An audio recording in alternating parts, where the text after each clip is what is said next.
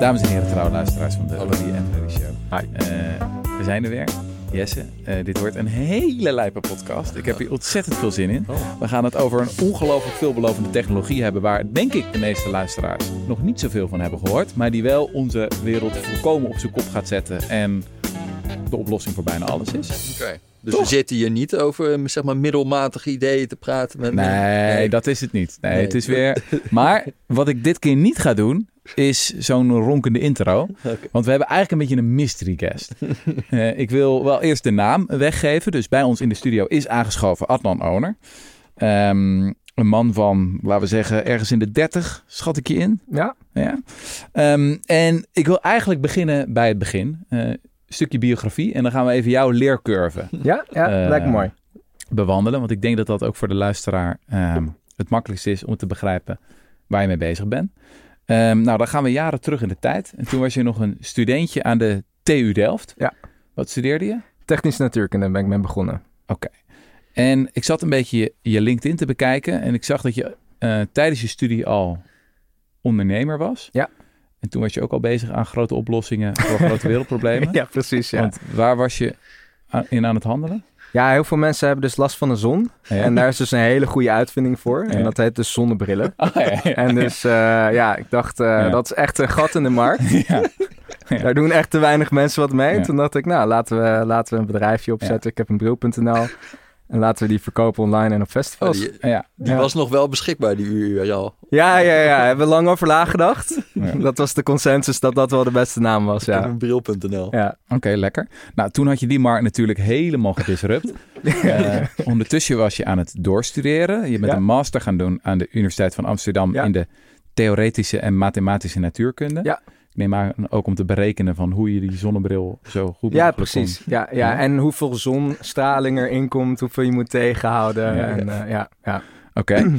en, en toen? Eh, vertel het verhaal vanaf hier verder. Ja, ja, precies. Dus eh, toen hadden we ook nog een, een leuke winkel in Amsterdam geopend. En op een gegeven moment, een jaar na mijn studie, dacht ik van... Ja, lijkt me wel leuk om iets anders te doen dan zonnebrillen te verkopen. En toen ben ik eigenlijk bij heel veel verschillende plekken ehm, aangeschoven of gestart. Dus ik ben eh, bijvoorbeeld bij 30 megahertz gaan werken. En daar, eh, dus ik ben ook een softwareprogrammeur. Dus daar hebben we hardware ontwikkeld. ehm ja, precisiesensoren voor in, eh, in greenhouses. Mhm. Om zo de yields te verhogen. Kassen. Ehm, kassen, Om de opbrengst te Ja, verhogen. om de opbrengst te verhogen. Ja, ja, meer tomaten, meer paprika's. Ja, precies. Een sensor tegen een paprika aandoen, zodat je de temperatuur net wat hoger kan doen. Oh ja. Zodat je dan veel meer paprika's kan groeien in een kas. Mhm. Ehm, daarnaast ehm, ben ik eh, naar verschillende industrieën gaan kijken. Een, een, een medtech, een fintech. Mijn laatste plek waar ik werkte was een, eh, was een SaaS, eh, software service. Maar eigenlijk zo'n vijf jaar geleden zei ik van, nou het is allemaal leuk, maar ik wil eigenlijk bijdragen aan, aan de wereld. En ehm, voornamelijk aan het eh, klimaatprobleem. Dus toen ben ik dat eigenlijk op een part-time ben ik gewoon, ik ben gewoon gaan zeggen, nou, twee dagen per week ga ik gewoon vrijnemen en dan ga ik gewoon er helemaal op instorten. En ik ben gewoon allemaal papers gaan lezen, ehm, beginnen met IPCC-rapporten, kijken wel- welke technologieën er zijn. En eigenlijk erachter te komen, welke technologieën zijn er om onze emissies te reduceren, hoe ver zijn de technologieën en wat doen te weinig mensen Mhm. eigenlijk daar tot de conclusie gekomen dat we- alles hebben onze emissies te reduceren. Dat is voornamelijk een politiek en sociaal probleem. Die technologieën die zijn er wel. Mhm. Ehm, maar er zijn een paar grote onopgeloste problemen. En de ene ehm, is eh, negatieve emissies. Stel dat we nu stoppen met uitstoot, is er nog steeds gigantische hoeveelheid gigaton aan CO2 wat we moeten opslaan. Dan heb je het echt over duizend gigaton of misschien meer. Mhm. Ehm, en daarnaast, Moeten we uit de lucht halen. ja, wat we uit, opslaan. dus Ja. stel we stoppen nu met uitstoot, Mhm. dan zijn we al in een overshoot scenario. Ja. Dus, dus we hebben al te veel CO2 in de lucht. Dus alle klimaatmodellen moeten allemaal CO2 opslaan. Ja. En, Het IPCC gaat ervan uit dat we dat ooit gaan doen. ja, precies. Dat we die technologie ooit hebben, alleen... Ja, precies. Precies. Ja. En nou, ik ben dus eh, gaan kijken naar van, hey, wat, wat zijn al die technologieën? En ehm een daarvan is bijvoorbeeld eh, ja, bomen hè, planten. Dat is natuurlijk een hartstikke mooie technologie. Het probleem is dat nu alleen ehm, er te weinig ruimte is om bomen te planten, omdat alles wordt gebruikt door landbouw. Ehm, Hoeveel wordt er gebruikt door de landbouw? ja, dus van al het land wat we kunnen gebruiken, is 50% landbouw. Wereldwijd. Ja, dus dat betekent gewoon ja, dat, dat gewoon alle groei in landbouw ten koste gaat van dus biodiversiteit en bomen. Ja. Want dat gaat er gewoon vanaf. Van het land dat we kunnen gebruiken. Ja, precies. Ja. Je hebt ook natuurlijk een soort van... ehm, nou, je hebt natuurlijk water, hè? Eh, Ja, maar je hebt natuurlijk ook eh, woestijnen. Of, Ja, ja, ja, Dan ja. kan je natuurlijk kijken in bepaalde woestijnen kan je weer, weet je wel... wat maar groeit een boom ook niet echt lekker. Precies. Dat gaat, het kan, maar het gaat dan wat minder makkelijk. Hm. Ja. Maar 50% is echt gigantisch. ja, dat is echt gigantisch. Ja, Ja, en dat is dan nog vooral veeteelt, denk ik. of 80% niet? ervan is veeteelt. 80% van die 50% is, Is, is nodig voor veeteelt. ja. veeteelt. En daar halen we een stuk minder van onze calorieën. En het is niet het merendeel van onze calorieën en, eh, en eh, Ja, energie. ja. ja, daar komen we straks op. Ja. Dus je dacht negatieve emissies, dat is echt een gat in de markt. Er, het- was, er is geen schaalbare, op dit moment is er geen goede schaalbare technologie om negatieve emissies ehm, op te slaan. Hm. En dus ben ik gaan kijken naar, eh, ja, hoe kan je dat technologisch bijvoorbeeld doen? Want ik, ik zag die natuurrit als soort van, nou, dat, dat lukt misschien niet. En toen ben ik gaan kijken naar direct air capture. Dus dat is rechtstreeks CO2 uit de lucht te halen ehm, middels duurzame energie. Ehm, dat kost super veel energie, maar het is op zich wel interessant. Dus ik ben daar eh, een prototype voor gaan maken. Gewoon kijken van, hey, kan ik, eh, ik kan natuurlijk wat hardware, software. Dus ik ben een prototype gaan maken daarvoor. Daar ben ik twee jaar parttime mee bezig geweest. Toen ik dat deed, toen waren er eigenlijk maar zeven bedrijven wereldwijd die dat deden. En ik dacht van, weet je, daar moeten meer bedrijven dat, eh, Mhm. dat doen. Daar zijn te weinig mensen mee bezig, want het is wel een belangrijke technologie. Ehm, aan het eind van die twee jaar waren er echt 30, 40 bedrijven als paddenstoel uit de grond getrokken. En er werden er heel veel mensen die daaraan aan, aan deden. En ehm, toen dacht ik van ja, daar kan ik gewoon minder impact eh, in hebben. En toen ben ik op zoek gegaan naar een nieuw idee. Ik vind het wel interessant om even bij stil te staan. Dus Ja. je dacht, omdat er al veel mensen iets doen, kan ik minder toevoegen. Ja, ik, eh, ik had wel wat ideeën over eh, dat je dat ehm, een bepaalde niche zou doen. Dat je het, eh, dat je het eh, zo op een kleine schaal doet, zodat je computerized parts kan doen, zodat je snel economies of scale kan hebben. Want normaal gesproken wordt juist zo groot mogelijk gebouwd en dan kan je niet zo snel economies of scale hebben. Maar als je dus gewoon koelkastonderdelen en zo gebruikt, dan kan je dus veel sneller eh, op een lompere manier het, het, eh, het, het schalen. Dus Ja. dat was een beetje de gedachte ehm, die koos. Maar op een gegeven moment dacht ik van, nou, er zijn te veel mensen daarmee bezig. Ik denk dat, eh, dat de impact die ik kan hebben relatief klein is. Ja. En als dan persoonlijk geredeneerd, maar uiteindelijk werkt dat dus ook vanaf een business case. Want als heel veel mensen al verder zijn of dat hebben gedaan, dan, dan is het misschien niet de beste business case ook Hm. om het te doen. Oh ja, ja, ja, ja, ja. ja. Dus dat was de overweging. Negatieve emissies in eerste instantie, maar direct air capture, daar zaten al te veel mensen Ja. op. Dus toen dacht je, ik ga wat anders zoeken. Ja, en ook een ander, een ander ding wat ik dus jammer vond aan, van direct air capture. Het kost dus heel veel ener- eh, energie om die CO2 uit de lucht te halen. Ehm, en dan heb je dus 1 ton aan CO2 bijvoorbeeld lucht uitgehaald. Maar wat dan? Weet je wel? Wat doe je er dan mee? Je wil eigenlijk, omdat dat zo'n dure, eh, of energetisch dure technologie is, wil je dus dat 1 ton die je uit de lucht haalt, bijvoorbeeld 10 of 20 vastlegt. Dus je wil een soort van hefboom daarin hebben. En daar zocht ik ook naar van, hoe kan je ervoor zorgen dat die ton uit de lucht veel meer impact kan hebben? Wat was het idee nou eigenlijk daarmee? Dat ze het gewoon onder de grond stoppen? Of Nou, nu is het voor- bijvoorbeeld, er zijn verschillende ideeën. Of je kan het utilizen, dus of je kan het gebruiken in de industrie en dan kan je bijvoorbeeld eh, plastics of whatever Plastics, van ja. maken. Een ander idee is dat je het in stenen stopt. Dus dat je het echt mineraliseert. Het mooie van als je het in stenen stopt, is dat je weet dat het gewoon permanent vastgelegd. Want ja, Mhm. je moet zo'n steen moet je tot 800, 900 graden verbranden. Dat gebeurt natuurlijk niet zo snel. Nee. Dus ehm, het zijn hele zekere emissies. Het zijn hele dure emissies. Maar als jij bijvoorbeeld compenseert en je koopt zo'n emissie, dan is die ton echt vastgelegd. Dan heb je daar gewoon, dan is het niet een soort van greenwashing of zo. Als jij gewoon, nou, die prijs is nu 600 eh, eh, euro of zo. Als je die ton betaalt, ja, dan is die gewoon echt vastgelegd. Daar, Ja, ja, daar hoef je dan niet over te twijfelen. Ja. Maar ja, dan heb je een ton vastgelegd. Je hebt niet soort van al die benefits van als je bijvoorbeeld een ton in de natuur zou kunnen vastleggen. Die heb je dan niet. Ja. Dat is natuurlijk wel jammer. Dus je Ja. wil eigenlijk een beetje een combinatie hebben van, van beide. En dat, dat was dus ook een beetje jammer van direct air capture. Een soort van, het is een, een- ja, een, heel, een technische oplossing die dan gewoon één ton vastlegt. Maar eigenlijk wil je dat het een enabling technology is die veel meer kan doen. Oké, ja. nou ga verder. Ja, en in die tijd kwam ik er ook steeds meer achter dat eigenlijk het gros van... Dus je hebt fossiele energie, wat de gros van het probleem veroorzaakt. Maar dan heb je landbouw. En Ja. voornamelijk eh, dierlijke landbouw. Mhm. die de rest van de problemen veroorzaakt. Die Mhm. gewoon dus al dat land opslokt. Die zorgt voor, weet je wel, pandemieën. Eh, Ik bedoel, drie van vier nieuwe ziektes komt uit dieren. Mhm. Ehm, die zorgt voor eutroficatie, stikstofproblemen, eh, CO2-problemen. Weet je wel, een derde of zo van, van alle CO2-uitstoot is gewoon de landbouw. Het is gewoon, als je, dat, als je gewoon gaat bekijken hoeveel problemen die industrie veroorzaakt, dan kom je er dus achter van, wauw, dat is, dat is, daar focussen veel te weinig mensen zich op. Ja. Als we, als we een soort van, die he, stel dat we de hele fossiele industrie gewoon, stel dat het allemaal duurzaam wordt, dan ben je er niet. Dan ben je nog echt, dan ben je nergens nog. Dus je moet die landbouw oplossen. Ja. Als je dat niet oplost, dan los je het klimaatprobleem niet op. Als er één sector schreeuwt om innovatie, dan is het... Ja, precies. Die landbouw. We, we zijn gewoon nu tegen de grens van de landbouw aangelopen. En dat kunnen we deels oplossen door meer plantaardig te doen. Ehm, dat is gewoon een heel logische oplossing. Dat ligt nu voor, voorhanden. Maar ik denk Mhm. ook dat we andere oplossingen Ja. nodig hebben. Nog even inzoomend op het probleem. Ik heb even wat statistiekjes erbij. Dus de landbouw is verantwoordelijk voor meer broeikasgassen dan alle auto's, vliegtuigen en schepen op de planeet. Ja. Het hangt altijd, je hebt wel verschillende schattingen, maar iedereen is het er wel over eens dat het enorm is. Oorzaak van 80% van de ontbossing deze eeuw. Eh, als het inderdaad gaat over uitsterven van soorten en afnemende biodiversiteit, dat is eigenlijk ook vooral een verhaal Ja. van landbouw, toch? Ja, ik bedoel, we hebben gewoon nu eigenlijk die zesde massa-uitsterving. wat, we- wat we eigenlijk hebben gedaan is... ehm, we hebben...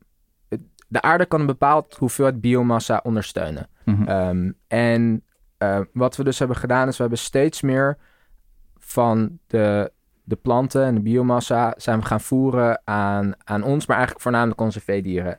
En dat gaat ten koste van al het wilde leven. En op dit moment is een correcte weerspiegeling van de wereld is gewoon wij met ons veeteelt, wat alle biomassa opeet.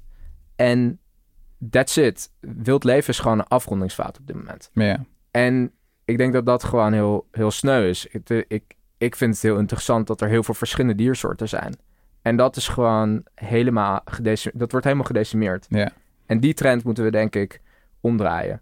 Ja, de Yuval Noah Harari heeft zo'n sommetje in zijn, een van zijn boeken... dat je dan zegt van oké, je hebt twee weegschalen. Op de ene weegschaal gooi je alle mensen en vooral alle veedieren. Ja. En dat weegt dan echt veel meer bij elkaar dan alle andere wilde dieren bij elkaar. Dus Ja, giraffen, precies. tijgers, Ja, het is olifanten, noem het allemaal maar op. Die wilde Ja. dieren nu is gewoon een afrondingsfout. En Ja. het is gewoon voornamelijk veedieren en, en wij. Ja, dat is best wel bizar eigenlijk. Want als, ja, ik heb een klein dochtertje en dan vertel je over alle dieren, weet je wel. En de, de giraffen en de olifanten. En, maar eigenlijk moet je vooral zeggen van... eh, nou, je hebt schapen en je hebt nog meer schapen. En je hebt koeien. Je hebt nog heel veel meer koeien. En heel veel meer Ja. koeien. En dat is eigenlijk Dat vooral- is En kippen echt, trouwens. eh, Kippen, ja. heel veel kippen. Ja. ja. En dat is gewoon sneu. En ik denk dat, we, dat er andere paden daarvoor zijn. Ik denk dat, dat, dat het helemaal niet nodig is. Ja, ja, ja. Ehm, kan je even inzoomen op hoe inefficiënt dit ook is? Want dat vond ik ook een Ja, interessant aspect hieraan. Van, ehm, het is ook niet echt de handigste manier om calorieën te produceren. Nee, precies. Dus, dus hoe wij dan ehm, redeneren is, is eigenlijk van eh, zonlicht naar eten. Hè? Ja. Dus alle energie op de aarde die komt eigenlijk van zonlicht. Ehm, dus ja, laten we even de efficiënties pakken vanaf zonlicht. Dus als je kijkt van zonlicht naar fotosynthese naar planten, Ja, dan is 1 tot 2 procent van de energie van het zonlicht wordt vastgelegd in een plant, in zijn wortels, zijn bladeren. Als je dan gaat kijken naar de eetbare delen, ehm, zoals bijvoorbeeld ehm, bonen of de aardappels eh, of eh, suikerbieten, dan is dat 0,25 tot 0,5 procent van de energie van het zonlicht wordt, wordt efficiënt omgezet in, ehm, in, in, in eten. calorieën, eiwitten. Ja, precies. En in ja. energie inderdaad, en voedingsstoffen. Ja. En als je dan soort van dat weer gaat voeren aan dieren, dan zit er gigantisch grote inefficiëntie tussen. Dus als je dan kijkt naar hoeveel van die zonlicht nog overblijft, dan is 99,99% is gewoon verdwenen aan energie. Dus het is uiteindelijk een, is, is fotosynthese is een heel mooi proces om natuur te maken, om, om ja, eh, bomen te creëren. Ehm, maar het is heel inefficiënt als een productiemechanisme. En dat is nu wat we doen. We, we zien het, we gebruiken het nu, gebruiken we al die dieren als een soort van productiemechanisme. En nou, dan moet je naar de efficiëntie gaan kijken. En dat Ja. is gewoon waardeloos. Dus als je het vergelijkt met een zonnepaneel bijvoorbeeld. Dus stel dat je fotosynthese zou zien als een zonnepaneel. Ja, Wat doet een zonnepaneel dan bijvoorbeeld? ja dus Maar een zonnepaneel Hoe die is kan... een zonnepaneel vergeleken met Een blaadje. Ja, dus een zonnepaneel, bijvoorbeeld zonnepanelen op mijn dak. Dat zijn gewoon commerciële zonnepanelen. Die hebben een efficiëntie van 22% nu. En, dan, en Ze dat kunnen is, nu al de beste zijn volgens mij 28-ish. ja, Oh, En- ja. en en wat was een fotosynthese, zei je? de, de, de efficiëntie van fotosynthese naar een soort van planten is 1 Ja. à 2%. Oh ja, wauw. Ja. Dus, dus Het is gewoon 14 keer ja, beter. en, en we, dat is nu, hè? Ja, en ze worden elk jaar worden ze gewoon beter. ja. En er, er zijn echt nog een paar grote technologische innovaties die er aankomen in zonnepanelen, die ze gewoon eens, nog een slag gaan verbeteren. Oh ja. Dus eigenlijk zouden we die boom ook een zonnepaneel moeten geven. Dat is echt van, dan kun je een zonnepaneel aan een boom. En- Ja, dus, dus veel. mijn gedachte is juist, je laat al die natuur, natuur zijn. Daar Hm. ga je helemaal niet aan zitten. En wij gaan juist onze voedselproductie wegtrekken van die natuur op een veel kleiner stukje land. Hm. Hm. Dat is eigen- eigenlijk de gedachte. Oh, Want ja. wat je nu veel hoort is gewoon dat ze vooral volgens mij die dierlijke eiwitten aan willen pakken omdat dat het meest inefficiënt is. Ja, door dat te vervangen door, door plantaardige Terecht, goed. Dat zijn al, goed. die, al die burgers en zo Ja. gebruiken dat Helemaal goed. toch? Precies. Maar als ik jou hoor, zeg je eigenlijk ook... ik ben ook geen fan van die hele... eh, überhaupt gewoon eh plantaardig. Maar voordat we eh, het snel gaan, denk ik dat het nog wel goed is om even in te zoomen op die laatste stap van waarom dieren zo vreselijk inefficiënt ja, ja, zijn. ja. Ik bedoel, je hebt altijd van die brute statistiekjes van eh, om een eh, kilo eh biefstuk te maken. Wat kost dat? 25 kilo voer of zo? ja, precies. En dat komt dan omdat gewoon een koe een heel efficiënt, inefficiënt wezen is. Ja, Een koe wil ook nog leven en zo en die loopt dan door de wei. ja dat is- En lopen door de wei kost energie. Ja, dat is natuurlijk zonde. Ehm, en wat doet dan de vee-industrie? Die probeert die inefficiënties eruit te knijpen. Ja. Eh, Met heel veel dierenleed als Ja. consequentie. Natuurlijk, want hoe minder die koe door de wei loopt, hoe meer die stil zit. Ja. Hoe meer die die calorieën dan gewoon netjes opslaat, zodat wij het kunnen opeten. Of, ja, dat, als je die kippen gewoon in een hok houdt, dat is allemaal efficiënter. Maar goed, dat is natuurlijk eigenlijk ook niet wat je wil. Want die Nee, vee-industrie dus- knijpt dan daar wel alle ik kan, wel uitleggen wat, wat, het, wat het hele systeem is. Gewoon als, als natuurkundige kijk ik gewoon naar, naar wat zijn energiestromen en hoe Mhm. lopen dingen. Mhm, en, mhm. en wat er eigenlijk gebeurt is, ehm, we hebben dus, ehm, we maken kunstmest. En kunstmest maken we eigenlijk met aardgas en met stikstof uit de lucht. Dan maak je ammonia, Mhm, ehm, volgens het Haber-Bosch-proces. mhm. Ehm, en die kunstmest, dan gaan we naar de Amazone toe. Daar kappen we wat oerwoud neer. En dan gaan we daar soja planten. Want soja is ongeveer onze meest eiwit- efficiënte eiwitmachine. Ehm, dan, dan gooi je dat kunstmest daar over de grond heen. Trekken we alle voedingsstoffen geaccelereerd eruit. En dan gaan we dat vervolgens allemaal eruit halen, importeren naar Nederland. Gaan we dat geven aan die koeien. Die koeien zijn heel inefficiënt in het omzetten van plantaardige eiwitten in dierlijke eiwitten. Dus je verliest daar een factor 25. Hè? Dat betekent dus dat je gewoon, als je dat rechtstreeks aan mensen zou geven, zou je een soort van gewoon eiwit hebben. En een Ja. koe moet 25 keer die hoeveelheid eten, wat waanzinnig inefficiënt is natuurlijk. En dus, dat betekent dus dat je 25 keer meer land nodig hebt voor die koe. 25 keer meer Amazone eh, neerkappen dan je dat voor mensen doen. En dan heb je dus al die stikstof, die zit natuurlijk allemaal in die soja. Die wordt verwerkt door die koe en die wordt uitgekakt.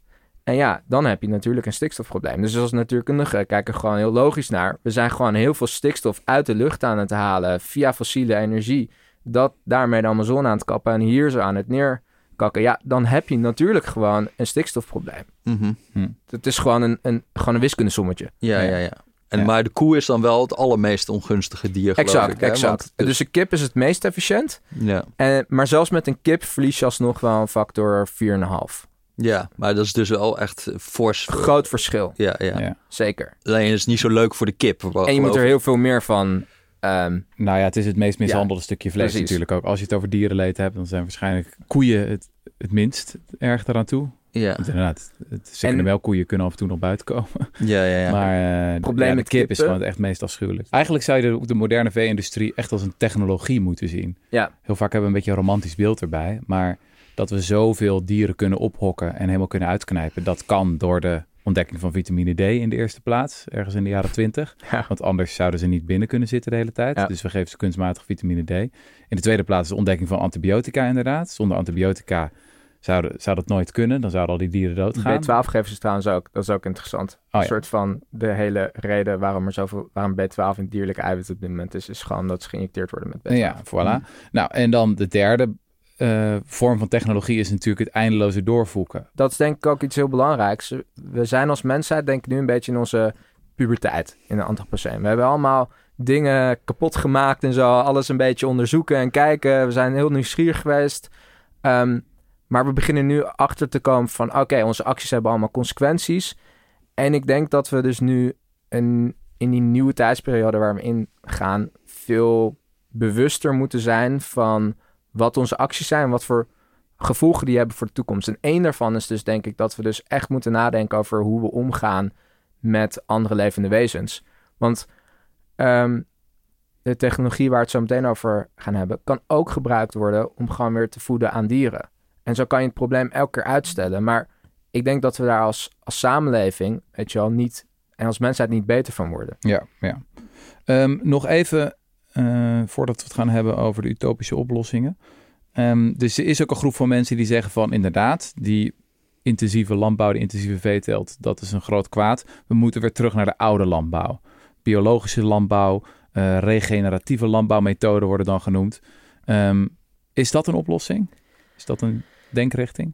Nou, um, kijk, als je het hebt over dieren en als je kijkt naar een efficiënt productiemechanisme, dan is soort van uh, bijvoorbeeld grazing betekent gewoon dat je veel meer land nodig hebt voor dieren. Dus als je gaat naar een biologisch systeem voor veedieren, is dat beter waarschijnlijk voor een dierenwelzijn. Mm -hmm. Maar dan gaat dat veel meer land kosten. En dat hebben we nu niet. Nee. Want we hebben al gezegd van ja, de helft van het land is al gebruikt voor landbouw. Waar halen dat vandaan? Dat betekent gewoon meer, meer kappen. Dus minder, nog minder negatieve emissies. Een soort van het omgekeerde zelfs. Ja. Dus um, ik denk vanaf een van veehouderijsysteem denk ik niet dat daar de oplossing ligt. Ik denk dat het wel interessant is om maar daarmee te experimenteren in een plantaardige manier. Om te gaan kijken van hey, hoe kunnen we een nieuw systeem bedenken om slim dingen te groeien? En dan is dat een soort van, ik geloof wel een diversiteit van verschillende oplossingen. Ik denk Mhm. niet dat wij bijvoorbeeld uiteindelijk de oplossing zijn voor alles. Ik geloof in diversiteit van oplossingen. Mm. Dus, ehm, maar dan vanaf de dierlijke kant zie ik dat niet echt zitten. Nee, omdat het gewoon niet, Efficiënt is. ja, niet genoeg voedsel oplevert om de wereldbevolking te voeden. Dat vond, je noemde net het Haber-Bos-proces van hoe we Ja. kunstmest maken. Ja, En dat vond ik ook wel fascinerend dat ik las. Wat is het? De helft, de helft van de wereld van de wereldbevolking wordt gespoord door Haber-Bosch.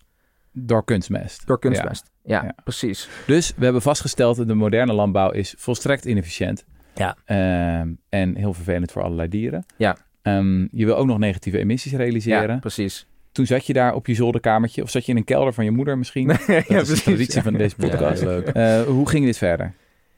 Ja, dus eigenlijk was ik op zoek naar een technologie de, die dus die twee dingen samen kon pakken. En de overlap daarin is eigenlijk land. Ja. Want als je met veel minder land eten kan maken, kan je dus heel veel van die problemen oplossen. Dus ik ga kijken naar wat voor verschillende oplossingen daar in, in, in dat veld zaten. Omdat je dan automatisch eh, heel veel, hoe noemen ze dat, rewilding kan krijgen. Je hebt dat land Ja. niet meer nodig. Dus daar kunnen dan allemaal mooie bomen Exact. en oerwouden en weet ik wat groeien. Dat is per definitie CO2-opslag. Exact, Want natuur slaat CO2 op. exact. Je En krijgt dan, ook biodiversiteit. Dat is ook een soort van... precies, dus je zoekt eigenlijk naar een technologie die heel veel voedsel kan maken zonder veel land. Exact. Landbouw zonder land. Landbouw zonder land. Ja, die had ik weer even van Pepijn Vloemans. Sorry Pepijn. Ja. Thanks, Pepijn. Ga verder. Ja, en, en dus daar is dus een technologie die dat kan doen. Oké, nu zwelt de muziek aan. Trommelgeroffel. Boom. Ja. Dat is dus eigenlijk eh, middels fermentatie. Fermentatie. Fermentatie. Ja, het hoge woord is Het eruit. hoge woord is De. Wat oplossing voor is- bijna alles. De oplossing voor bijna. Wat is fermentatie? Ehm, nou, fermentatie is een technologie die we natuurlijk al heel erg lang gebruiken. Dus, eh, nou ja, eh, zelfs deze, deze koffie hier, zelfs eh, de koffiebonen worden gefermenteerd.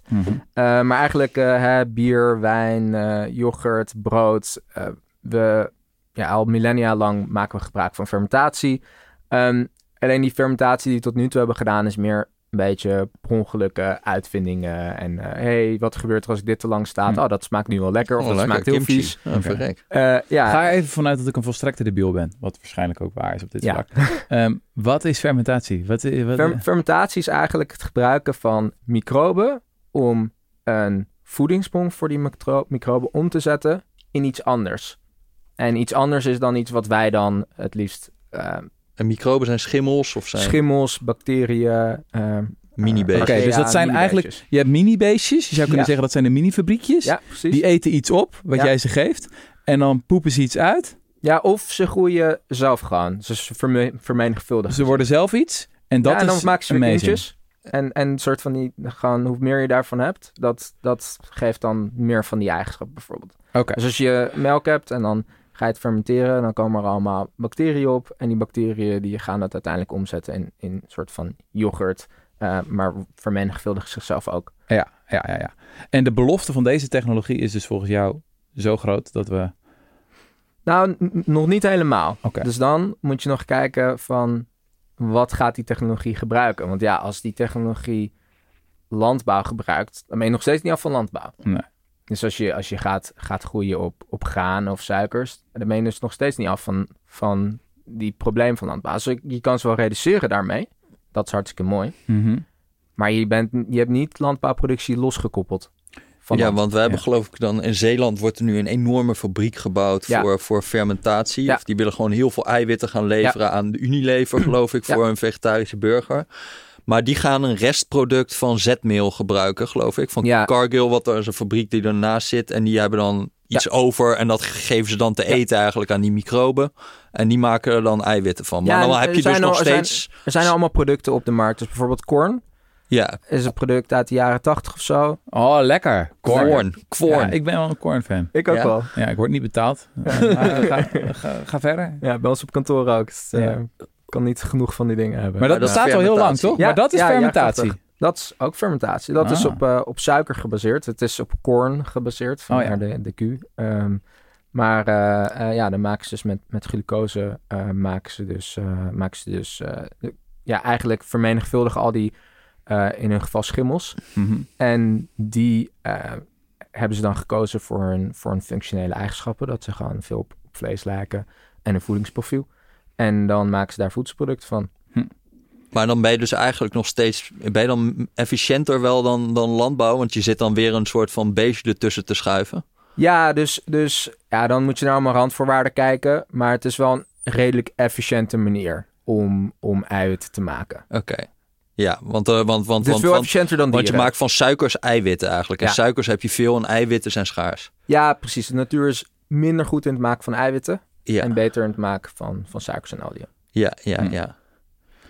Oké, en nou is dus jouw propositie is dat je dat niet met fotosynthese gaat doen, maar met die super lijpe zonnepanelen die we tegenwoordig Exact. hebben. Snap ik dat goed? Ja. Dus je hebt zonnepanelen. Yes, jouw stuk ging vandaag nog online. We hebben een podcast over gedaan dat die prijs maar omlaag en Ja. omlaag en omlaag gaat. Ja. Dus ja, we hebben, als het goed is, straks bergen aan spotgoedkope zonne-energie. Dat komt binnen. En wat ga jij dan ermee doen? Precies. Dus ehm, eerst even uitgezoomd. Dus ja. wat we dus doen is... Het is zoals bier brouwen. Maar in plaats van dat we bier brouwen, brouwen we microben. Net zoals dat corn dat doet. Die we kiezen voor hun eh, functionele en voedingseigenschappen... en eh, techno-economische eigenschappen. En in plaats van dat we de suiker gebruiken... gebruiken we dus iets wat we kunnen maken met duurzame energie. Dat is een soort van het, het idee. Mhm. En dus dan is een beetje de vraag van... oké, hoe doe je dat het best? Dus wanneer is de mens goed in het opwekken van energie... en wanneer is de natuur goed in het overpakken van energie? En daar hebben we dus heel erg naar gekeken van... wat is het beste overdrachtspunt? Mhm. Dus je begint met elektronen. Daar ehm, heb je dan, eh, nou, die worden dus omgezet in een zonnepaneel. En dan ga je dus kijken van, oké, hoe kunnen we dat overdragen aan de natuur? En dat kan op allemaal verschillende manieren. Dat kan bijvoorbeeld met ehm, waterstof en eh, CO2. Ehm, dat kan eh, met alcoholen. Eh, dus wij zijn eigenlijk gaan kijken naar wat is de beste oplossing daarvoor. En dan ga je dus kijken naar eh, supply chain. Dan ga je naar, kijken naar hoe je, hoe je stalen reactor eruit eh, gaat zien. Hoe de, hoeveel kapitaal het kost. En wij zeggen dus eigenlijk, we zetten dus die CO2 en waterstof om in een vloeibare feedstock. En die gebruiken we als fermentatie gecombineerd met stikstof. Want ze hebben een bron van uh, ammonia, dus uh, van, van ammonia. En wat mineralen. Dus dat is eigenlijk, zijn onze, onze ingrediënten. Dus de ingrediënten zijn? Ja, dus, dus een, uh, ammonia. ammonia. Um, in ons geval gebruiken we dus methanol. Dus ja. we maken van CO2 en waterstof methanol en mineralen. Oké. En, is en dus al die dingen kunnen we maken, behalve de mineralen. Um, maar al die dingen kunnen we maken met duurzame energie. Ja. En is dat, uh, is dat duur? Nou, dus op dit moment um, is het nog niet de goedkoopste bron van eiwitten. Nee. Maar als je dus gelooft dat duurzame energie goedkoop wordt, dan denk mm ik dat dit de goedkoopste bron van eiwitten wordt in het volgende decennium. En hoeveel goedkoper dan? Nou, goedkoper dan plantaardig. Ja, ja, ja. nee, maar ik bedoel van hoeveel, hoeveel goedkoper, hoeveel goedkoper moet energie worden, wil dat, wil dat, uh, wil dat gaan omslaan? Ik, ja, ik denk in, dat hangt ook weer af van onze, de energie is een deel van de kosten van het, het maken van onze fietstok. Um, dus het hangt ook weer af van hoe goedkoop onze fietstok wordt van verschillende technologieën. Mm -hmm. um, maar ik denk niet dat het buiten de, buiten de verwachting uh, uh, zijn. Ik weet dat al die projecties die zijn altijd gewoon waardeloos. Mm -hmm. Maar uh, ik denk dat het realistisch is. Ik denk dat met, met 5 cent kan je al echt goedkoopheden maken. 5, kilo, 5 cent per kilowattuur. En dat halen we nu al op sommige mm. plekken. Ja. En wat wij dus ook hebben bedacht is... Um, kijk, er zijn, er zijn nu in de wereld een handvol aan, aan start-ups die ditzelfde idee hebben. Um, ik denk nog te weinig dus. Um, de meeste startups die dat nu doen, die gebruiken dus CO2 en waterstof. Um, alleen wij hebben bedacht van ja, dat is een beetje onhandig, want dat zijn gassen en gassen zijn heel moeilijk te transporteren. En als je dus een lokale energiecrisis hebt, zoals we nu hier in Europa hebben, dan heb je dus net je hele fabriek gemaakt met al je electrolyzers, et cetera. En dan kan je dat opeens niet meer, ja, die fabriek heeft opeens een hele dure fietsstok. Maar waar wij geloven is dat duurzame energie globaal gezien steeds goedkoper en goedkoper wordt. Alleen je hebt wel geografische verschillen. Dus wat je wil is, je wil dus een vloeibare fietsstok, zodat je de plek waar je duurzame energie kan maken, kan scheiden met je plek waar je produceert, zodat je op beide plekken op de goedkoopste manier kan maken. En dan wil je dus een bestaande supply chain hebben. Dus voor, voor methanol is er dus al een supply chain, die wordt al helemaal gebruikt. Um, zodat je dus overal in de hele wereld de meeste flexibiliteit hebt om te fermenteren. Mm -hmm. En dat is, dat, wij doen dat nu en dat doet niemand voor eten op dit moment. Hm. Oké, okay, ik ga dit nog even proberen uit te leggen, zodat ik het ook zelf begrijp. Ja. Dus, we hebben ziek veel goedkope zonne-energie. Ja. Die komt straks binnen. Dan um, ga jij dat omzetten in eigenlijk eten voor de beestjes. Ja. Zeg ik dat goed? Dat is die methanol. Ja. Dan gaan die beestjes dat allemaal opeten. Ja, die eet dat helemaal op. En die, gaan er, die worden er zelf allemaal lijpe dingen van. En ja, die vermenigvuldigen zich Die vermenigvuldigen zich gewoon. En dan hebben wij heel veel e eiwitten. Uh, exact. Dingen die we willen. Exact. En dat hele proces, de belofte daarvan is dat dat veel efficiënter is. Ja. Sowieso veel efficiënter dan die veeteelt. Ja, uiteraard. Met dat kappen van dat Amazonewoud en zo. Ja. Uh, en die uh, leidende dieren. En het is zelfs efficiënter dan allemaal sympathieke bonen en plantaardige dingen. Dat is de belofte ja. eigenlijk. Ja. Dat dit, deze hele ja. keten ja. uiteindelijk heel goedkoop, efficiënt, zonder milieuschade, zonder dierenleed, kan je daar ons eens heel zeggen veel wat eten het, gaat opleveren. Het grondgebruik wordt en ja, zo. nou, ik, ik, kan het even omdraaien. Ik kan gewoon zeggen van we willen een uh, soort van um, um, fotosynthese appels naar elektrische appels vergelijking maken. Ja, ja. Dus, nou, we hebben net gezegd dat als je naar plantaardig gaat, dat je een soort van van het zonlicht 0,25% tot 0,5% omzet in, in, in eetbaar eten. Mm -hmm. En als je dan het hebt over de route die wij doen, dus zonnepanelen, nou, 22%, maken naar methanol 50% en dan ben ik een beetje pessimistisch. En dan het omzetten naar onze eiwitten 45%.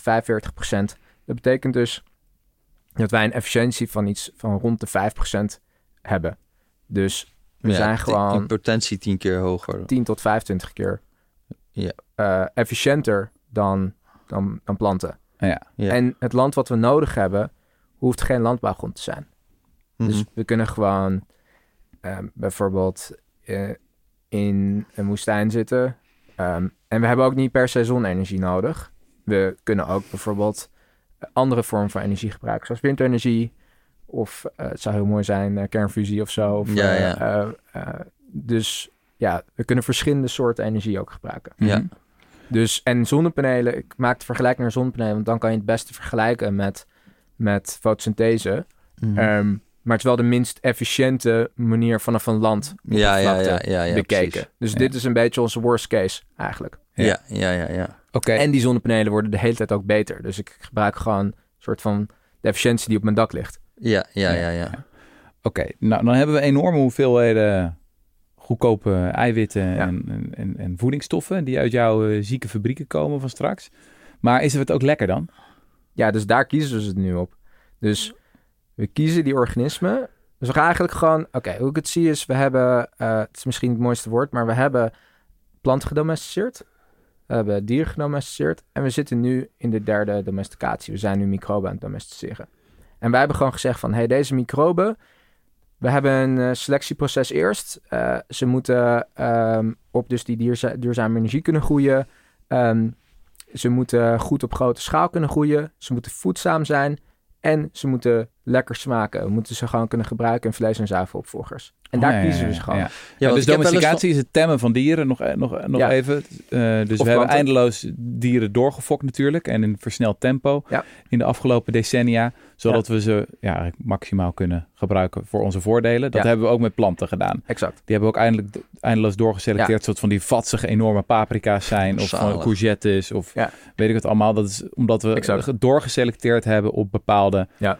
Eh, eigenschappen. Dat is eigenlijk genetische modificatie. Alleen dan niet in het lab, maar door gewoon... op een hele lange tijd. Ja. eh, en dat termijn. hebben mensen eerst onbewust gedaan. Ja. Eh, en op een gegeven moment zijn we dat vrij precies gaan doen. En eigenlijk zeg je, dat gaan we nu ook voor Ja. de mini-beestjes doen. Ja, precies. Ja. Want ik heb wel eens gehoord dat ze bij Korn of zo, dat ze eigenlijk maar een, een beestje of twintig hadden bekeken of zo. En daarvan de beste hadden Dat het Nou, eigenlijk best wel meer beestjes bekeken hoor. Ja, oké. Ja, maar wel ja, dat ja. het, het selectieproces zeg maar nog redelijk primitief was vergeleken met hoe je dat Nou, tegenwoordig dat zou weet ik doen. niet, weet ik niet. Volgens mij hebben ze wel echt duizenden Ja, beestjes oké. eh, bekeken. Volgens mij komt hij Ik uiteindelijk hoorde dit ook van eh, iemand die een soort start-up had in beestjesselectie. Dus misschien had hij, eh, Ja, was hij ja, het eh, nee, voor ze zichzelf hebben, wat mooier Ze aan destijds, eh, en dat is ook wel misschien historisch grappig, dat, eh dat kunnen we misschien zo over- overkomen, dat in de jaren zeventig al heel veel van het onderzoek eigenlijk is, eh, is gedaan. Dus dat, dat onderzoek wat Korn ook heeft gedaan. Dat, Oh, eh, ja. dus, dus er Ja, was al ooit zo'n gedachte. Ja, toen, Eh. wa- toen was er natuurlijk een enorme landbouw slash voedselcrisis. Heel veel Ja. mensen maakten zich zorgen over dat we de wereldbevolking niet zouden kunnen voeden. Ja, dat het beroemde boek van Paul Ehrlich, de Population, Population Bomb. En dat hebben we uiteindelijk opgelost met nog veel meer kunstmest. Ja, en dus, dus wat, als we nou even historisch gaan, dat is misschien een kleine Ja. sidestep, maar ehm, de mensheid is eigenlijk altijd door, eh, door de manier waarop we voedsel. De, de samenleving is altijd beïnvloed door de manier waarop we voedsel produceren. Dus van nou ja, de jagers-verzamelaars, naar dat we op een gegeven moment landbouw zijn gaan, gaan doen, waardoor we opeens steden zijn gaan maken. En er zijn een paar van die hele grote ehm, stappen. Dus bijvoorbeeld Ehm, eentje die ook interessant is. We hebben op een gegeven moment de Colombian Exchange. En dan ehm, eh, krijgen we dus al die nieuwe gewassen uit, uit Amerika. Die dus opeens worden geïmporteerd Mhm. naar, naar Europa. En het interessante daar is bijvoorbeeld de, de aardappel. Eh, nou, die heeft wel wat adaptatieproblemen destijds gehad. Slecht imago. Dat is allemaal eh, gebrand met, eh, met eh, celebrities zoals eh, eh, eh, ehm, de, de koning van Frankrijk, et cetera. Maar ehm, uiteindelijk die aardappel, dat is dus een heel efficiënt gewas ten opzichte van wat er toen was. Aardappel Dus is je echt heel goed, hè? Ja, aardappel Ja. is heel... Ja, en lekker ook wel. Ja, ook wel nice. Ja. en zo. Ja, eh, zeker. maar, eh, maar dus opeens heb je dus zo'n gewas wat dus veel meer mensen kan voeden per hectare. Ja. En wat betekent dat? Dat betekent dus dat er minder mensen in de landbouw hoeven. En die mensen kunnen dan opeens de industriële revolutie starten. Hm. Dus je ziet de hele tijd zo'n wisselwerking tussen hoe voedsel tot grote veranderingen in de samenleving heeft Hm. gezorgd. Mhm. En een van de grote andere veranderingen daarna is dus inderdaad in de jaren zeventig is, er- is een soort van de grote, ja, die population bomb. Er komen miljarden mensen aan. Hoe gaan we die voeden? En niemand wist het goed. En toen is er heel veel eh, onderzoek gestopt daarin. Dus dan is iedereen gaan kijken naar hoe kunnen we dat doen. En er is heel veel onderzoek gestopt in fermentatie. Dus we zijn gaan kijken naar waste streams. Ehm, we zijn ook op een gegeven moment gaan kijken van hoe kunnen we fossiele energie omzetten in eten. En daar waren best wat grote projecten in. En een, een van de grote projecten is ook, ook gaan kijken van hey, hoe, hoe kunnen we dat doen? En op een gegeven moment, toen waren de mensen nog niet klaar om een soort van nieuwe producten te eten. En toen werd dat allemaal gebruikt als animal feed. Hm. Het probleem van animal feed is natuurlijk, het is, vrij goedkoop, hè? maar het, ze deden het een tijdje eh, competitief. Maar op een gegeven moment kwam dus de andere oplossing hè, voor dus die populatiegroei. En dat is Haber-Bosch. Dat is dus die groene revolutie. En daarmee werden opeens al die prijzen van, van landbouw goedkoper. En tegelijkertijd was een fossiele energiecrisis en ging de prijs van fossiel omhoog. En toen hebben we dat hele, dat hele hoofdstuk hebben we gewoon Ah, weer ja. geparkeerd. Dus in een alternatieve geschiedenis hadden we in de jaren 60, 70 al een fermentatierevolutie gehad. Ja, mogelijk. Alleen ja. die is eruit geconcureerd door goedkope kunstmest. Ja, maar aan de andere kant waren we ook nog niet klaar voor. Nee. Want dan bijvoorbeeld, eh, dus een van die spin-offs van die revolutie destijds was dus Korn. En Korn heeft een hele lange regulatoire weg gehad. Die hebben Ja. echt tien jaar eh eh, eh, regulatoire. Ja, dat is politiek aspect. Daar gaan we het zo over hebben. Maar goed, we hebben dus een hele mooie oplossing. Jij gelooft erin. In september 2020 start-up begonnen. Farmless heet het. 2021, zes maanden oud. 21, kijk Nee. aan. 22, sorry. Ja, 22. 2021, ja. Ja, ik ben historicus. Ja, hè. Ik zit goed op de jaartallen. Hij zit goed in de jaartallen. ja. Ehm, ik vond ook nog één interessant aspect. De- wat interessant is aan deze technologie... is dat het ons ook kan beschermen tegen dramatische existentiële risico's. Ja. Als er bijvoorbeeld een hele lijpe vulkaanuitbarsting is of zo... dan werkt fotosynthese niet meer. Ja, de zonnepanelen ook De niet. zonnepanelen ook niet. Maar dan dat is zouden niet zo. Dat is niet zo. Oh nee? Oh. Ze werkt verminderd. Maar fotosynthese ja, werkt dan gewoon op een gegeven moment onder een bepaalde threshold niet. En zonnepanelen werken dan nog wel. Ja, oké, maar goed, er zijn andere we, oplossingen. we hebben dan hopelijk in ieder geval nog andere energiebronnen. Exact. En dan biedt fermentatie ook nog een manier om gewoon überhaupt eten te maken. Ja, dus, Dus het dus- beschermt ons tegen appeltje voor de dorst. zekere ja, precies. Dus ik ben best wel geïnteresseerd in, in hoe kan je een hele grote impact hebben op de mensheid. En een van de andere, dus, dus ook op de lange termijn. En als je dan kijkt naar alle existentiële risico's die we hebben als mensheid, hoe, hoe we als mensheid gewoon vergaan, dan gaan ze bijna allemaal langs dat ons landbouwsysteem gewoon faalt. Mhm. Dus, dus eh, en dat kan op allemaal verschillende manieren. Zoals je zegt, vulkaanuitbarsting. Maar het kan ook gewoon zijn dat we een hele slechte oogst hebben, waardoor meerdere van onze graansoorten gewoon falen. Ehm, en, en dat kan ook een gigantisch probleem zorgen. We hebben nu iets van drie maanden aan opslag eh, aan voedsel. Stel dat er bijvoorbeeld een nucleaire winter of een hele grote vulkaanuitbarsting komt, dan hebben we ongeveer een jaar om die hele transitie te doen. Maar daarna hebben we gewoon niet voldoende eten. En wat wij dus zouden kunnen doen, is dan gewoon alle fermentatiecapaciteit die er op dat moment is, om gaan bouwen. Heineken nationaliseren. Bijvoorbeeld, ja. Ehm, en dan gewoon dat allemaal om, omzetten. eh, en dan gewoon eh eiwitten maken voor, eh, voor mensen. Oké. En, dan, en dan kan je dus een soort van... Is dat ook iets waar dan, dan kan ik me voorstellen dat ze in Amerika een paar, eh, daar hebben ze een enorm defensiebudget, dat daar ook nog wat geld voor, eh, voor dit soort Ik ideeën weet is. het niet. Ik weet het Nee? niet. Het is normaal niet in een idee wat ik aan investeerders Oké, ja. ik kan me eh, trouwens ook nog wel voorstellen dat als we Mars gaan koloniseren, dat we dit ook nog nodig Ja, hebben. NASA misschien. Ja. Toch? Want je op, op, Ja, zeker, op- zeker. op- het is niet heel makkelijk om een eh, een tuintje aan te leggen op Mars, denk ik. Ja, dus ze misschien veel een- gestopt in aquaponics. Maar het is, eh, ja, die eiwitten krijgen is eh, toch wel een beetje lastig. Dus Ja. inderdaad in een closed loop system. Huh. Ja. Oké, ehm, ik heb nog een eh, vraag over een variant van die fermentatie. Want we hebben nu over gewone fermentatie steeds gehad, toch? Ja, maar dan geëlektrificeerd. Ja, met, met stroom inderdaad. Ehm, je hoort ook steeds de term precisiefermentatie. Ja. Wat is dat dan? Dus ehm, onze technologie heeft dus geen genetische modificatie nodig. Kan wel. Ik ben pro-GMO, maar wij hebben dat op dit moment niet nodig. Maakt alles veel makkelijker voor ons. Ehm, Je hoeft niet, eh, genetische modificatie is in het lab de, eh, de genetische eigenschappen het is eigenlijk van, gewoon- ja, van de mini-beestjes aanpassen. ja, precies. Het is eigenlijk die domesticatie waar we het over hebben. Dat gewoon eh, wat preciezer doen. Versnellen, ja, ja, Versnellen, ja. inderdaad. In plaats van dat je soort van hoopt dat hij doet wat je wil... en dan allemaal side effects heeft... kan je gewoon die aanpassing rechtstreeks maken. Wat Ja. natuurlijk wel ietsje handiger is. Ja, ja, ja, ja. Ja, dat is Ehm, ook wel goed om te tellen. Zeg maar die kippen waar we het over hadden. Die hebben we gewoon door eindeloos door te kruisen. Hebben we die gigantische vleeskip gekregen. Terwijl je zou in principe ook gewoon op de computer het DNA van een kip kunnen bewerken. Eh, Ja, precies. Het gene Ja. pakketje en kunnen zeggen van we willen ongeveer dit. Ja, dat is nog precies. niet zo makkelijk, toch? Nee, is niet zo makkelijk. Ik zal niet dat ik het kan. Eh, maar dat is dus precisiefermentatie. Is dat je niet meer met trial and error Ja. ze die beestjes gaat maken. maar ja, heel precies gaat ontwerpen wat je eigenlijk Ja, wil. precies. En in het geval van precies fermentatie is het meestal in, in voedsel is de use case dat je dan, eh, dat je dan een beestje modificeert om het een bepaald eiwit te maken, la- laten maken. Zoals bijvoorbeeld caseïne, wat, wat het, het voornaamste eiwit is in, in kaas. Ja. Mhm. Ehm, en Dus zijn eigenlijk smaakmakers en zo, toch? En dat is vaak voor de precisiefermentatie. Ja, ja, goed. Ja, caseïne is... Ja, je kan ook voor het functionele. Het, het zorgt natuurlijk ook een beetje voor stretchiness, et cetera. Ja, ja. Ehm, maar ja, en de gedachte is dat je dus het, bijvoorbeeld een schimmel modificeert... of misschien een bacterie...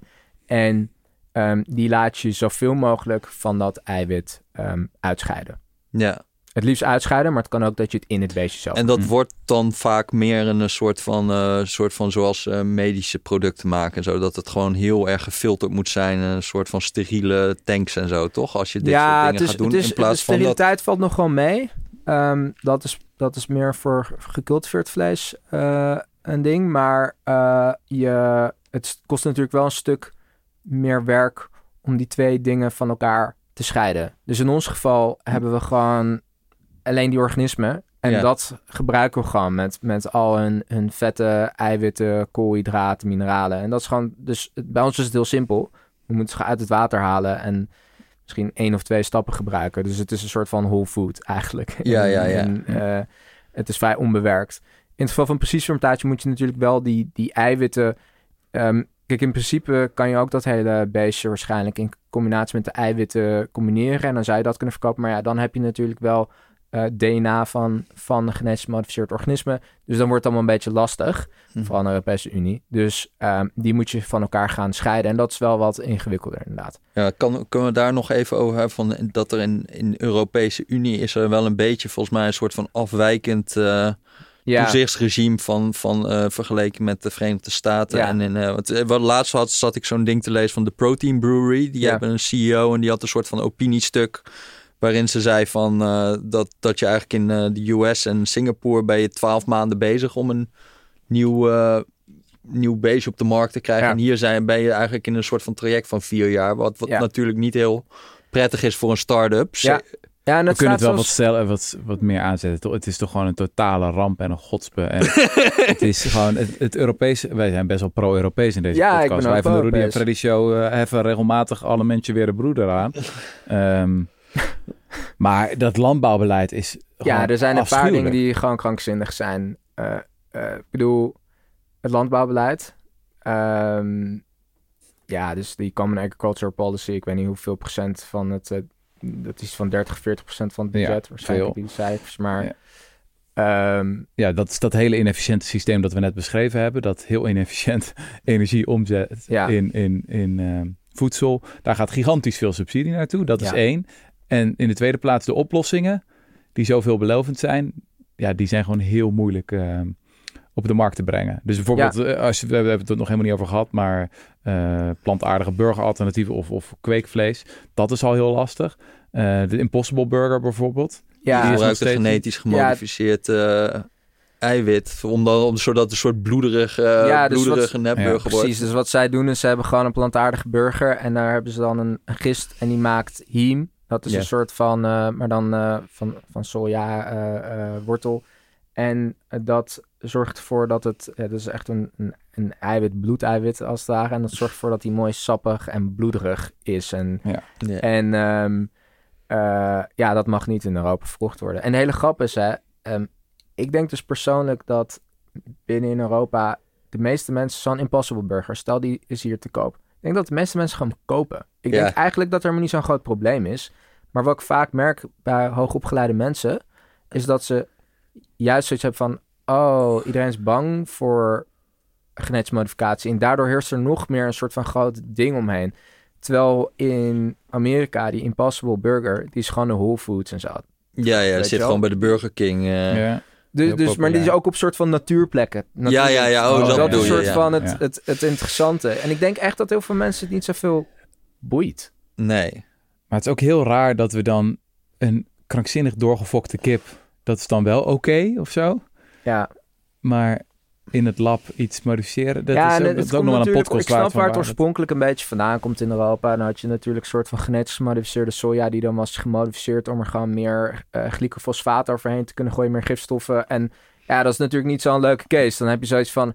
Oh, oké, we zijn nu een soort van het eten aan het modificeren... zodat er dan meer gif over kan gaan. Ja, dan denk ik ook niet echt van... Oh, leuk. Ja. Terwijl als je soort van het eten modificeert in een gecontroleerde omgeving... gewoon in, in een stalen vat, weet je Ja. dan ja, alle problemen zitten in de stalen vat. Dus het kan nergens heen gaan en je doet het om, om een soort van voordeel voor de consument eruit te halen. Dat het bijvoorbeeld lekkerder is. In plaats van een soort van nadeel, gewoon gif op je eten. En als je dan nog verder kijkt bij beleid, hè, zie je nu in Nederland geloof ik dat ze laatst 60 miljoen hebben uitgetrokken voor allemaal, allemaal dit soort eh, cellulaire Ja, eh, oplossingen. Ben je daar enthousiast over? Ja, misschien, Het- daar ben ik ook wel ja benieuwd het, naar. is- het is een begin. Ehm, kijk, ik denk dat we hier in Nederland...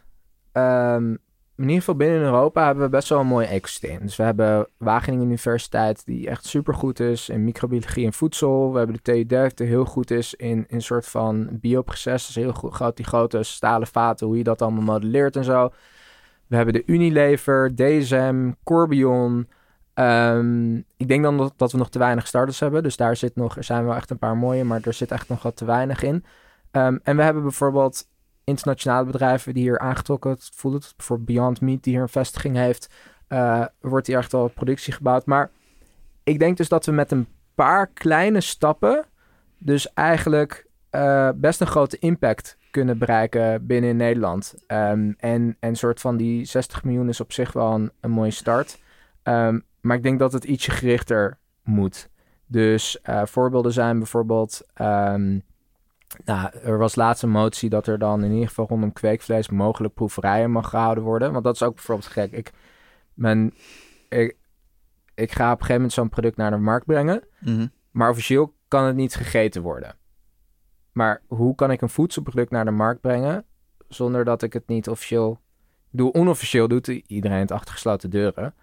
Maar ja... Is er dit een bekentenis? Jij eet gewoon, jij eet illegaal kweekvlees. Ik, nou, Dat kan ik, heb geen kweekvlees. Ik heb eh bacterietjes. Ja. Ehm, maar... ehm, Maar dat dus- mag dus niet van de van de Nou, het is soort van een, een soort van gedoogbeleid of zo. Het, het, het mag, maar het mag niet publiek. Ah, Eh bijvoorbeeld, dus een soort van.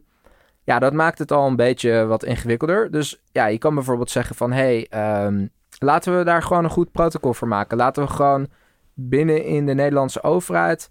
een, een aparte afdeling maken die gewoon zegt van... hé, hey, laten we deze hele nieuwe industrie proberen aan te trekken... door allemaal verschillende kleine aanpassingen te maken. Dus één, laten we bijvoorbeeld een guideline maken van... hé hey jongens, als jullie deze en deze veiligheidsdingen laten zien... Nou, dan mag je in het publiek, niet commerciële wijze, mag je dan testen. En nou, dat is bijvoorbeeld al, al... Als je dat doet, dan ben je de enige in Europa. En dan kan je dus best wel wat mensen aantrekken. Dat is bijvoorbeeld één. Ehm, het andere is dus, nou, dat, dat novel food stuk, dat is uiteraard Europees beleid. Maar we hebben het geen eens over genetische modificatie. Want zelfs wij hebben dus een soort van onvoorspelbare eh regulatoire stuk in Europa. Dus als ik voor naar Amerika ga, dan is het vrij recht toe recht aan. Je hebt gewoon een veiligheidsstuk, dat lever je in en, en dat is het. Binnen Europa heb je twee onderdelen. Het ene is een veiligheidsstuk, super. Ik vind dat, dat we gewoon nieuwe technologieën goed veilig moeten testen. En het andere is een politiek stuk. Dus nou, dat, het, het, kortst dat dat proces is, is 18 maanden.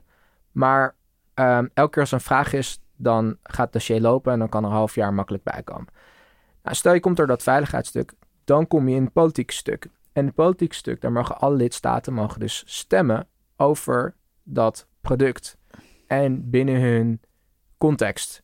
Dus het lastige daaraan is dus... Kijk, sommige mensen redeneren van ja, het is mooi... Dus wacht even, je hebt dus dat die, dat die toezichthouder eerst zelf een oordeel valt... en dan daarna mogen alle lidstaten nog eens over dat oordeel gaan stemmen? Nou, nee, dus dat, dat- je hebt de veiligheidsoordeel... en dan heb je gewoon een oordeel meer over het product zelf. Hmm. Van, hey, eh, willen, laten we dit product toe? En dan krijg je dus gewoon lobby van... Ja, en moet dat met protectionisme. uni- unanimiteit? Dus iedereen moet daarmee eens zijn? Nee, het moet, eh, het moet een soort van majority vote zijn. Oké, oké. Hm. Ja. En dan heb je binnen Europa heb je landen die heel erg anti-GMO zijn of zo. Nee, het of gaat helemaal geen niet eens over GMO. Het gaat geen eens over GMO. Het heeft niks met genetische modificatie te maken. Wij doen geen genetische modificatie, maar wij moeten hier wel doorheen. Ja. En dat, dat kan dus gewoon... Ja, het is heel onvoorspelbaar. Dus ehm, je moet dan een best wel grote riskante investering doen... Mhm. waarvan je ten eerste van tevoren niet echt kan spreken met Europa van... hé hey jongens, wij komen met dit dossier aan. Wat vinden jullie van deze testen? En dat, dat heb je bijvoorbeeld in Amerika en Singapore heb je dat wel. Je kan echt Ja. gewoon met elkaar gaan overleggen.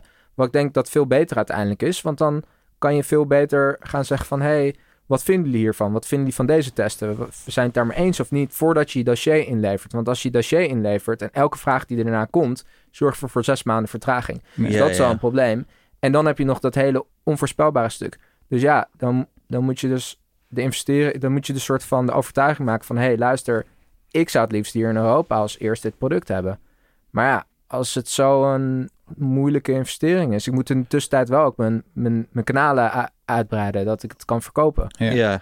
Eh, en, en als ik niet weet hoe lang dat duurt en zo, ja, Ja, je bent een start-up ingewikkeld. die geld aan het verbranden is van investeerders in ja, de tussentijd. En als je ondertussen op de toezichthouder zit te wachten en je niet weet hoe lang het duurt.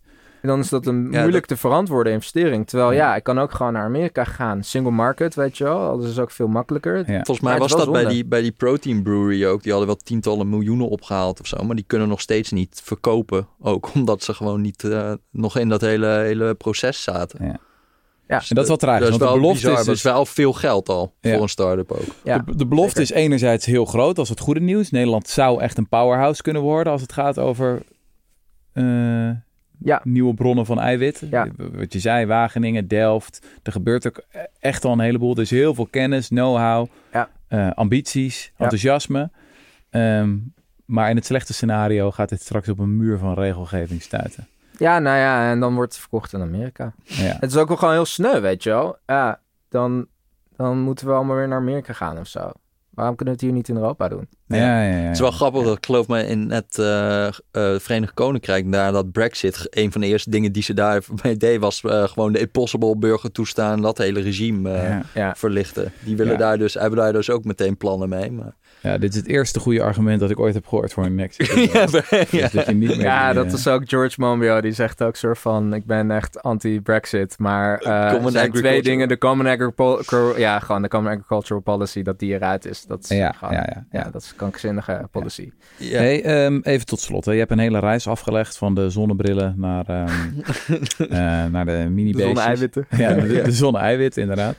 Ehm, je hebt nu eh, een hele kleine start-up nog maar. Wat Ja. zijn jullie met zes, Zes, zeven, mensen? ja. Ehm, eh, als je even mag eh, dromen over de toekomst. Waar gaat het naartoe met deze technologie en, en met de rest van je carrière? Ik denk dat deze technologie oprecht een van de belangrijkste technologieën is van deze eeuw. Omdat ik zie op dit moment geen andere technologie die een soort van zoveel negatieve emissies kan realiseren, ehm, zoveel natuur rewilding kan veroorzaken en die biodiversiteitscrisis kan omkeren. En zoveel van dat, het dierenleed ook kan vermijden. En ik zie op dit moment geen andere technologie die dat kan doen. Dus het is echt een mega belangrijke technologie. En ik weet niet of ons bedrijf hè, die technologie groot gaat maken. Maar ik denk wel dat deze technologie deze heel groot gaat worden. En het is gewoon... De impact daarvan is, is vergelijkbaar als gewoon de Haber-Bosch bijvoorbeeld. Met het kunstmest. Zo'n impact zal het gaan hebben. Nou, Ja, beste luisteraars, jullie, ho- jullie hoorden het voor het eerst bij de Rudy en Freddy Show. ja, wij waren erbij. Ja, wij waren erbij. Fermentatie. Eh, ik zeg, eh, start de muziek. ja, ja. Zeg maar Vangelis of zo. Wat Ja. ik, Die is heel lekker. ja, iets heel lekkers. Oké, nou... eh, Heel veel dank voor je komst. Ja, succes. We hebben geen aandelen trouwens, om nog goed te zeggen. En wij zijn er weer met mooie dingen volgende keer. Ja, tabé. Toedeledokies. Joe. Oké, dames en heren. Toch nog even een nawoord. Want Een we nawoord? Zitten hier, ja, we zitten hier in de studio nog even door te praten over wat een geweldige propositie dit eigenlijk ook is voor Nederland. Ehm, dus Adnan, knal, knal hem er even in. Ja, dus laten we gewoon even de business case maken hè? Ja. Voor, eh, voor Nederland. En misschien vooropgesteld dat die, die boeren zitten nu gewoon net in het verdoemenishoekje. Maar als we het in historische context plaatsen, na de Tweede Wereldoorlog zaten van... hey jongens, die honger, dat willen we echt nooit meer hebben. Laten we ervoor zorgen dat vlees en zuivel, dat is het allerluxste wat we hebben, gewoon betaalbaar is voor iedereen. En zo is een beetje die Common Agricultural Policy ontstaan. En dus ik snap die stories en de, en de functie van een boer was om de populatie zo goedkoop mogelijk van voedsel te voorzien. En die zit nu in een verdoemenishoekje van, ah, hij doet het verkeerd, et cetera. Maar wij moeten denk ik die boeren Hm. gewoon sturing geven en naar nieuwe plekken leiden. En in plaats van de hele tijd ze de vinger op te wijzen. Dus Ja, dus dat dus vooropgesteld in dat het genre, in het genre van de oude technolo- technologie, Ja. het oude paradigma, zijn Nederlandse boeren echt het beste wat je kan krijgen. Zijn Ja. gewoon vreselijk efficiënt. Ja. Heel goed in hun werk. Precies. Ja. Maar, Maar dan even de business case gemaakt. Dus in Nederland is ehm 66% van Nederland is eigenlijk gewoon landbouwgrond. En dus voornamelijk gas en poep eigenlijk. Bos is iets van 15% en stad is iets van 11%. En dat is best een groot stuk van het land wat we opofferen. En er zijn natuurlijk heel veel problemen met dat te zeggen dat er te weinig land in Nederland is. Te weinig land voor steden, te weinig land voor... Er is te weinig daarvan in Nederland. En zelfs het idee om misschien landbouwgrond weer op de zee te maken en koeien op de zee te zetten of. Zo, ja, we zijn eigenlijk tegen de grens van onze landbouw. ja, Nederland is vol. Niet, Nederland met, niet vluchtelingen, maar met koeien. ja, ja, ja, precies. En dus hoe mooi zou het verhaal dan ook zijn dat wij weer tegen bepaalde grenzen aan zijn gelopen. Net zoals met, hè, dat we dat met de waterwerken hebben gedaan.